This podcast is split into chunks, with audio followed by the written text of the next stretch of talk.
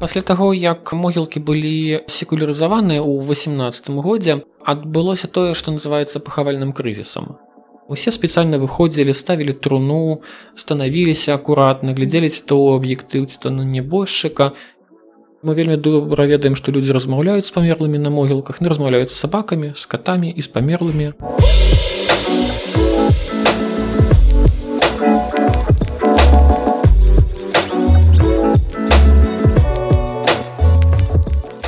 Добрый дзень шаноўна гаспадарства з вами падкаст так склалася гістарычна і я дзягельганна І сёння у нас у гасцях зноў гісторык даследчык беларускіх могілак можна так сказаць Сергей грунтоў Вітаю Сергей. Добрый дзень У першай частцы якая спадзяюся ўжо выйшла мы гаварылі пра беларускай гістарычныя могілкі Пра што мы пагаворым сёння Ну я думаю што сёння варта паразмаўляць пра тое што сталася з гэтымі гістарычнымі могілкамі Чаму яны выглядаюць так як выглядаюць наколькі моцна яны разбураныя. Может быть пра тое хто і чаму спрабуе іх захоўваць і ці ўвогуле можна спыніць гэтае разбурэнне. Ну і таксама можа быть пра сённяшнія могілкі пра тое да чаго мы прыйшлі у развіцці наших пахавальных традыцый і куды ўсё гэта рухаецца мы у мінулы раз гаварылі пра тое што ну у прынцыпе працэс разбурэння могілкаў ён такі быў натуральны у 19 стагоддзі раней ці продолжаецца ён сёння канешне працягваецца просто таму что ну па-першае працуюць самыя банальныя прыродныя працэсы напрыклад вось каменная стэла якую устаўлены металічны крыж вось туды куды ён устаўлены патрошки потрапляе вода на замярзае там зіма за зімою паступова адбываецца скол гэты крыж выпадае Гэта можна прачытаць як актыўнасць вандала, напрыклад некага уяўнага савецкага піонера, які гэты крышы выламаў. Але вельмі часта гэта не так, вельмі часта гэта натуральнае разбурэнне. Яны ідуць, спыніць іх немагчыма, тут можа быць толькі нейкая паслядоўная рэстаўрацыя ці нейкія працы накіраваныя ў той бок. Але канешне, за 20 стагоддзе антрапагенны фактор разбурэння чалавекам быў неверагодна моцны па самых розных прычынах. Ну, першую чаргу якія былі прычыны? Рабаванні могілкі рабавалі домікі для вартаўнікоў пачалі будаваць на могілках яшчэ ў канцы 19 стагоддзя гэта тады ўжо у буйных гарадах была праблема на могілку заўсёды є што скрасць так mm -hmm. можна скрасці вінок а вінкі былі дарагія металічныя не то што зараз можна адламаць што-нибудь бронзавае там ці літары все што заўгодна магло адбыцца на могілках урэшце маглі разрабаваць сам склеп каб пашукаць што-небудзь у труне. Таму вось гэтая логіка разрабаваць могілкі, каб што-небудзь знайсці, яна даўняя. Яна вельмі даўняя, канешне, ад я не ведаю ад егіпецкіх пірамід і гэтак далее. Это абсалютна натуральна. Вось мы гэтым займаліся ўсё 20 стагоддзя паспяхова працягваюць займацца зараз. Здаюць на металалом. У магілёве ў мінулым годзе была скрадзена летая плітая даволі сімпатычная сярэдзін 19 стагоддзя мясцовага гарадскога галавы у оршы скралі адзіную вядомую мне ў беларусі пліту і ўвогуле адзін в беларусі вядома мне помнік на чэшскай мове пачатку 20 стагоддзя. Гэта просто разбурэнні вот апошняга часу. Яны адбываюцца у мяне на вачах на могілках якія наведваю звычайна знаходжу адрозненне ад таго што было 10 год таму крадуць агароджы это амаль неспынны працэс раскопваюць магілы дастаюць труны. Есть такі міф што все зрабілі злыя камуністы умоўна кажучы вот за савецкім часам все гэта адбылося. Гэта правда толькі часткова. Праўда ў тым, што гэта працэс, які актыўна працягваецца сёння. То бок гэты працэс ён пастаянны, але у нас быў такі перыяд у гісторыі Беларусі як савецкая ўлада, які найбольшыя змены нёс у першую чаргу ў рэлігійны светапогляд нашага насельніцтва. Так, пасля таго, як могілкі былі секулярызаваныя ў 18 годзе, адбылося тое, што называецца пахавальным крызісам. Я вось якраз у канцы мінулого года працавала ў віцебскім абласным архіве, дзе захавалась вельмі добрая дакументацыя мясцового камунальнага аддзела за пачатак двадцатых гадоў, дзе бачна добра, як гэта адбывалася, як да дысфункцыі дайшла ўся пахавальная інфраструктура, якую аддалі мясцовым уладам, але не далі грошай на яе функцыянаванне. Развальваліся катафалкі, не было як весці памерлых і гэта тое што знікне ўвогуле за савецкім часам. Увесь савецкі час ведь не было катафалку вазілі таких машинах з скіднымі бартамі чымсьці прыстасаваным. Былі масавы разрабаваны на дровы а не было чым тапіць была холодная зіма. А 2021 год і могілкавыя агароджы і крыжы кралі просто таму што яны драўляныя і гэта было пытанне выжывання. А пасля ўзяліся конечно і за самі помнікі лада да гэтага ставілася большым талерантна. Больш того фактычна дазволена было пахаванні так званых бывшых людзей як яны іх называлі. Гэта якраз такі шляхта людзі заможныя розныя там купцы і так далей. Іх пускалі ў ужытак зноў. Ці то просто працавала камні драбілка каб засыпаць гэтымі помнікамі што-небудзь. Ці то іх перараблялі на новыя помнікі гэта адбывалася вельмі актыўна ў міжваенны перыяд. Пры росце гарадоў знішаліся вялікія гістарычныя некропалі мы гэта выдатна ведаем. Десяткі габрэйскіх могілак буйныя могілкі ў мінску залатая горка стражовка. Вось ўсё гэта было панішчана. Іншая справа што трэба разумець што гэта не толькі беларускі працэс. Гэта было б неправдай таксама пра гэта казаць гэта адбываецца у польше напрыклад у пасляваенны перыяд. Сістэматычнае знішчэнне практычна ўсіх нямецкіх могілак на земях адзысканых. Часам можна знайсці некалькі надмагілі ў 19 стагоддзя але ў большасці выпадкаў працавалі цэлыя фабрыкі на іх перапрацоўку. Ну і пры росце гарадоў канешне гэта адбывалася і ў іншых месцах. Часу могілкі ператвараліся ў паркі і гэтак далей гэтак далей Таму нельга сказаць што гэта нейкая спецыфічная беларуская ці спецыфічная савецкая сітуацыя значна большая праблема што рабіць з могілкамі Таму што могілкі з часам дасягаюць сітуацыі дысфункцыі. Могілкі створаны, каб там хаваць людзей. Калі рабіць гэта немагчыма, могілкі страчваюць палову сваіх функцый. Другая палова гэта захаванне памяці для сям'і. Але памяць таксама кароткая. Камунікатыўная памяць трох-чатырох пакаленняў гэта 80-90 гадоў, а яна дасягае сваёй мяжы і пасля за гэтымі магіламі няма каму наглядаць. Есть вялікае пытанне што рабіць далей. Зносіць ахоўваць і так далей і так далей. Гэта вельмі сур'ёзнае пытанне не толькі для беларусі а я думаю што для ўсяго свету ну звычайна калі гавораць што вось на нейкім месцы былі раней могілкі то гэта дрэннае месца што яна такое дрэнная энергетыка. Да конечно есть такое павер'е. Мне не раз даводзілася гэта чуць. Вось напрыклад Я раз прыехаўшы ў экспедыцыю ў іўе пачуў гісторыю пра вот, мясцовы дом пабудаваны на могілках што там шмат самазабойстваў і гэтак далей і больш таго нават сама пабудова а наступных дамоў спынілася з-за таго што все зразумелі што ўсё ж таки вот нельга тут гэта рабіць Ну гэта такое ж павер'е як Божая кара за знішчэнне храмаў і гэтак далей гэтак далей Ну цікавы гарадскі фальклор. Вот, те што я магу напэўна пра гэта сказаць. Мы ведаем што як забудавана ў менску мы ведаем што забудаваны там лютэранскія могілкі больш таго іх час ад часу раскопваюць каб правесці чарговую цеплатрасу Ну як-то людзі жывуць А калі задумацца пра цэнтр горада калі задумацца пра тэрыторыі вакол храмаў мы зразумеем таксама што гэта нейкі таксама натуральны працэс дзе могілкі становяцца часткай гарадской прасторы А вось скажитеце калі ласка А ці змянілася за савецкім часам нейкім чынам нось традыцыі ушанавання памерлых альбо традыцыі пахавання што з'явілася новага альбо што засталося нязменным змены канешне адбыліся і не проста змены а штосьці паспела з'явіцца пабыць і знікнуць за савецкі час Ну па-першае гэта спробы радыкальных рэформ у двадцатыя гады. Спробы зрабіць чырвоныя пахаванні дзе не ўдзельнічаюць святары удзельнічае толькі калектыў усё ў савецкай сімволіцы і гэтак далей гэтак далей. А яны ніколі не сталі сапраўды папулярнымі. Гэта был хутчэй кур'ёз на які людзі праходзілі паглядзець як на дзівосы нейкія. Таксама як чырвоны шлюб і гэтак далей. Канешне увесь савецкі час існавала праблема а што рабіць з новай традыцыі пахавання. Там што калі прыбраць старую калі прыбраць святароў калі прыбраць усе так званыя забабоны калі прыбраць хрысціянскую частку таго ж самага то што застаецца? Чым гэта напоўніць?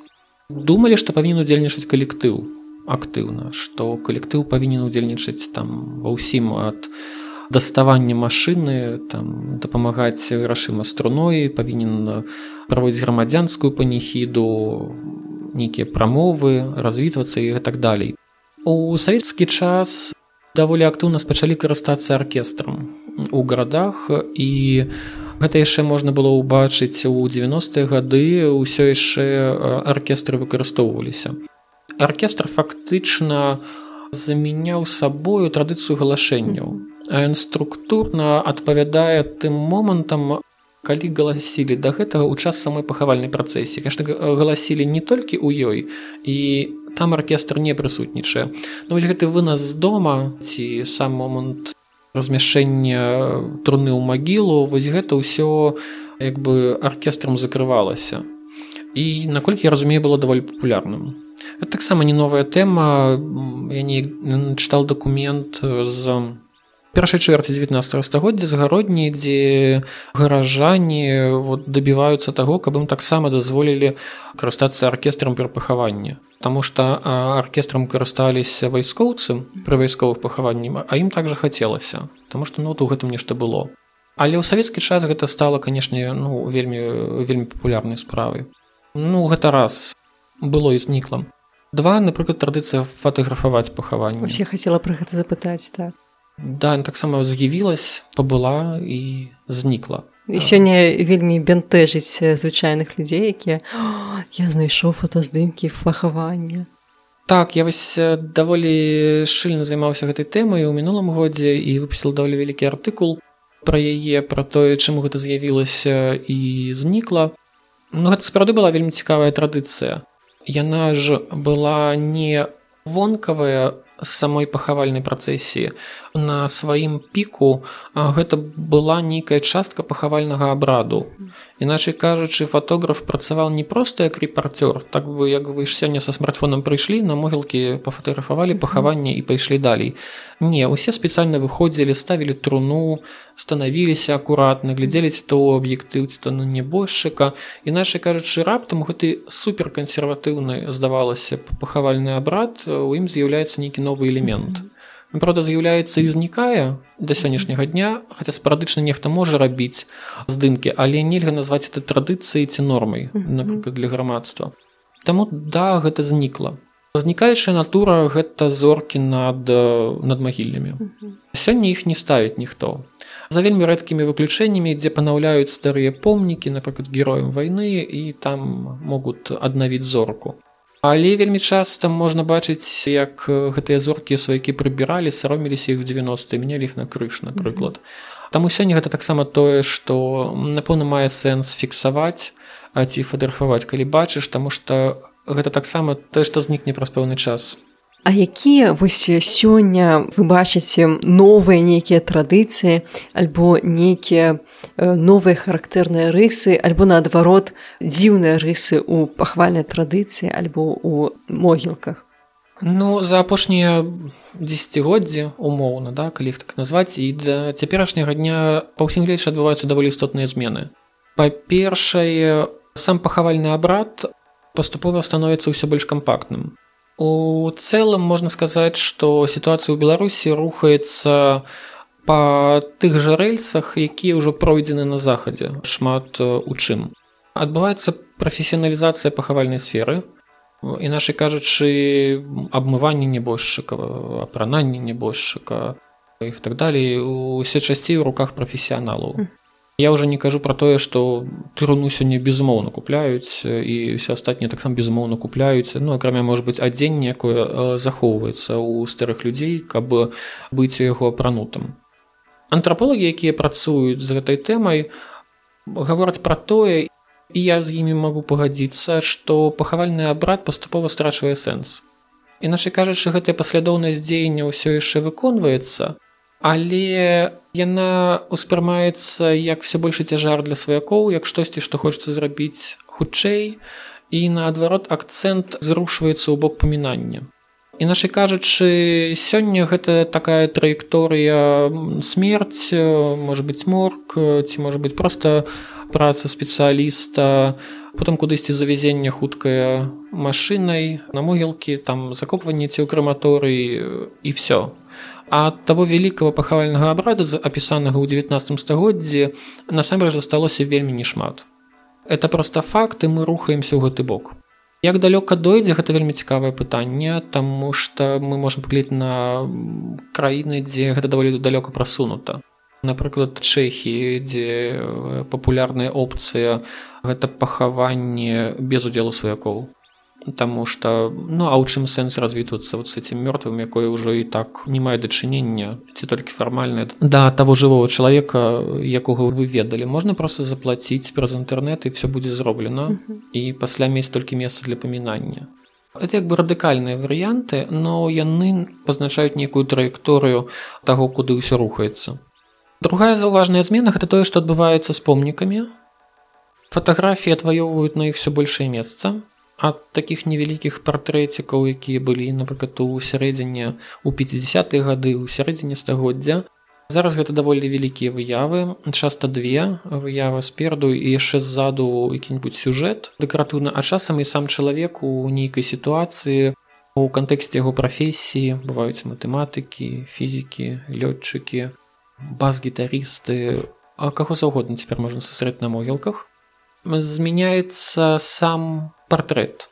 Калі раней ён быў фармальны, такі ж як на дакументы прыкладна, то зараз гэта ўсё больш разневоленая сітуацыя. ўсё больш мы можам бачыць людзей, які усміхаюцца вам з магілля. Папулярнасць атрымліваюць каляровыя выявы. І я думаю, што і далей гэта будзе ўсё больш і больш папулярна іншая справа што наколькі разумею яны крыху даражэйшыя за выявы чарна-белыя таму можа быць гэта таксама неяк стрымлівае развіццё ў гэты бок Ну я думаю што вось гэта даволі важны напрамак развіцця таксама і канешне з ростам гарадоў большасць насельніцтва тры чвэрці у нас цяпер уже жыве ў гарадах растуць гіганцкія гарадскія могілкі якія без сумневу з'яўляюцца вялікай праблемай будучыні Таму што я не ведаю, хто будзе даглядаць за большасцю гэтых надмагіляў праз 50 гадоў. Ніякія энтузіасты, гісторыкі. Ніхто такі падобны не здолее справіцца, калі нават захоча з такімі велізарнымі тэрыторыямі. А якія безумоўна дойдуць да дысфункцыі праз пэўны час. У Беларусі карыстаюцца той логікай, што землі на ўсіх хопіць і гэтак далей гэтак далей, якая інтуітыўна зразумелая, але якая вядзе да вельмі істотных праблем у будучыню адрозненне напрыклад ад заходняй Еўропы дзе для пахавання выдзяляецца земля толькі на пэўны перыяд пасля можна даплаціць і калі ёсць каму даплаціць яно даплочваецца а калі няма яна выдзяляецца новаму жадаючаму актыўна развіваецца крэмацыя наколькі я памятаю ўжо некалькі гадоў таму у менску гэта стала асноўнай формай пахавання менавіта крэмацыя можа быць гэта часткова вырашыць пытанню но пакуль што нельга сказаць там што вельмі часта урны з прахам таксама ставяць не ў сцяну а напрыклад хаваюць ці то ў магіле ці то побач са сваякамі і іх так далей. А скажитеце калі ласка а ці захавалася нейкае адрозненне у магілах канфесійнае цяпер у параўнанні вось з гістарычнымі могілкамі асноўным адрозненнем канфесійным у надмагіллях акрамя ўласна кажучы формы крыжа напрыклад была мова. Гэта пасцёрлася крыху у двадцатым стагоддзе базавай мовай стала руская. Але і зараз, прыйшоўшы на праваслаўныя і на каталіцкія могілкі з вялікай долей верагоднасці мы ўбачым розніцу.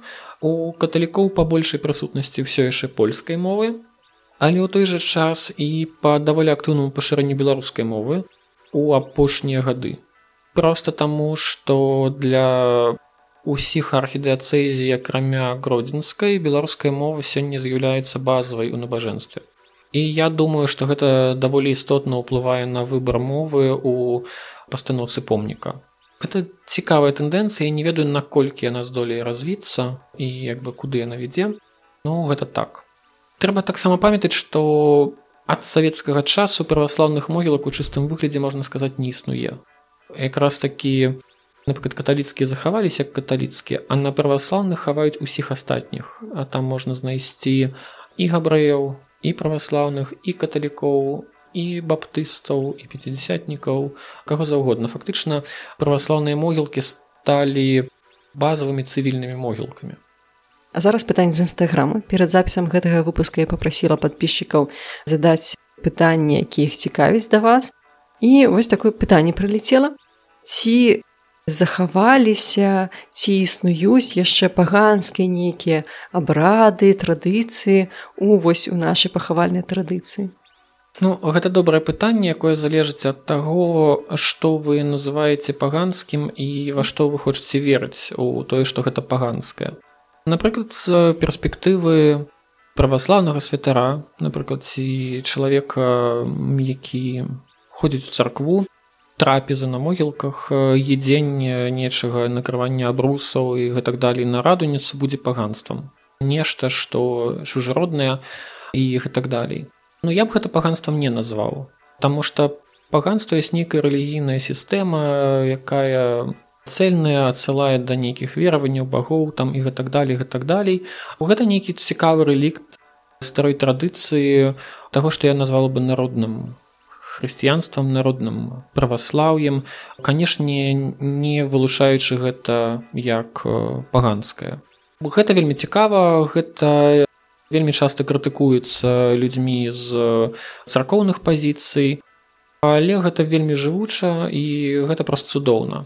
Ці можна гэта назваць паганствам залежыць ад таго чаго вы хочаце. Калі вам хочацца каб навокал вас былі паганскія традыцыі і гэтак далей і жыць у такім свеце тады так. Но для мяне гэта не з'яўляецца ўласна паганскай традыцыі А вось дарэчы ядзенне на могілках. Раней сапраўд за савецкім часам у 90-е гады гэта было вельмі распаўсюджана. А цяпер усё больш я ў прыватнасці так недзе чу нейкіх там побытавых размовах што як так можна на могілках такое рабіць што нейкая незразумелая традыцыя? Ці жывая гэта традыцыя яшчэ цяпер? Так і нажывая для ўсхода беларусі для паўднёвага ўсхода. Яна атрымлівае даволі істотныя ўдары ад праваслаўнай традыцыі. Можна і назваць неафіцкай праваслаўнай традыцыі. Не з той старой лініі народнага хрысціянства апісана этнографамі якая існавала стагоддзямі а ад людзей выцыркаўлённых якія ўваходзяць у хрысціянства умоўна па падручніку по таму як ім тлумачыць святар успрымаюць гэта даслоўна і нам у наших экспедыцыях даводзілася сустракацца сітуацыі ну вот напрыклад у кобранскім раёне які падавалася палесся дзе гэта даволі істотна вытраўлена дзе калі пытаешься вот ці прыносілі яйкі напрыклад на мой кажуць да ну зараз не таму что бацюшка забараніл і все ніяк і вось яны літаральна слухаюць ну як ім гэта сказалі ну на ўсходзе краіны конечно будзе іншая сітуацыя А якія сёння ёсць традыцыі шанавання памерах ну допустим там ежу прыносяць часам прыносяць стопку з хлебам і чаму як вы лічыце такая устойлівая традыцыя купляння і прынясення на могілкі пластыкавых кветак ну просто таму что гэта танна гэта трывала Таму што за вялікай мабільнасці у двадцатым стагоддзі вельмі часта сёння людзі жывуць не там, дзе пахаваны іх блізкія і прынесці жывыя кветкі азначае думаць што яны застануцца гніць там дзе-то ў вадзе і вянуць бліжэйшыя месяцы. Чаго з пластыкавымі кветкамі не адбудзецца існуюць альтэрнатыўныя формы кшталту парцалянавых кветак напрыклад германії ці францыі у беларусі не распаўсюджаныя па многіх прычынах думаю што ў першую чаргу это павязана з беднасцю А вот калі заробак будзе скажем сярэдні не каля 500 а каля 2000 тады верагодна гэта будуць працылянавыя кветкі. А зараз гэта так і я ведаю як шмат крытыкі гучыць у бок пластыкавых кветак но я да яе не магу далучыцца. Я думаю што гэта нармальна это традыцыя вот пра зараз.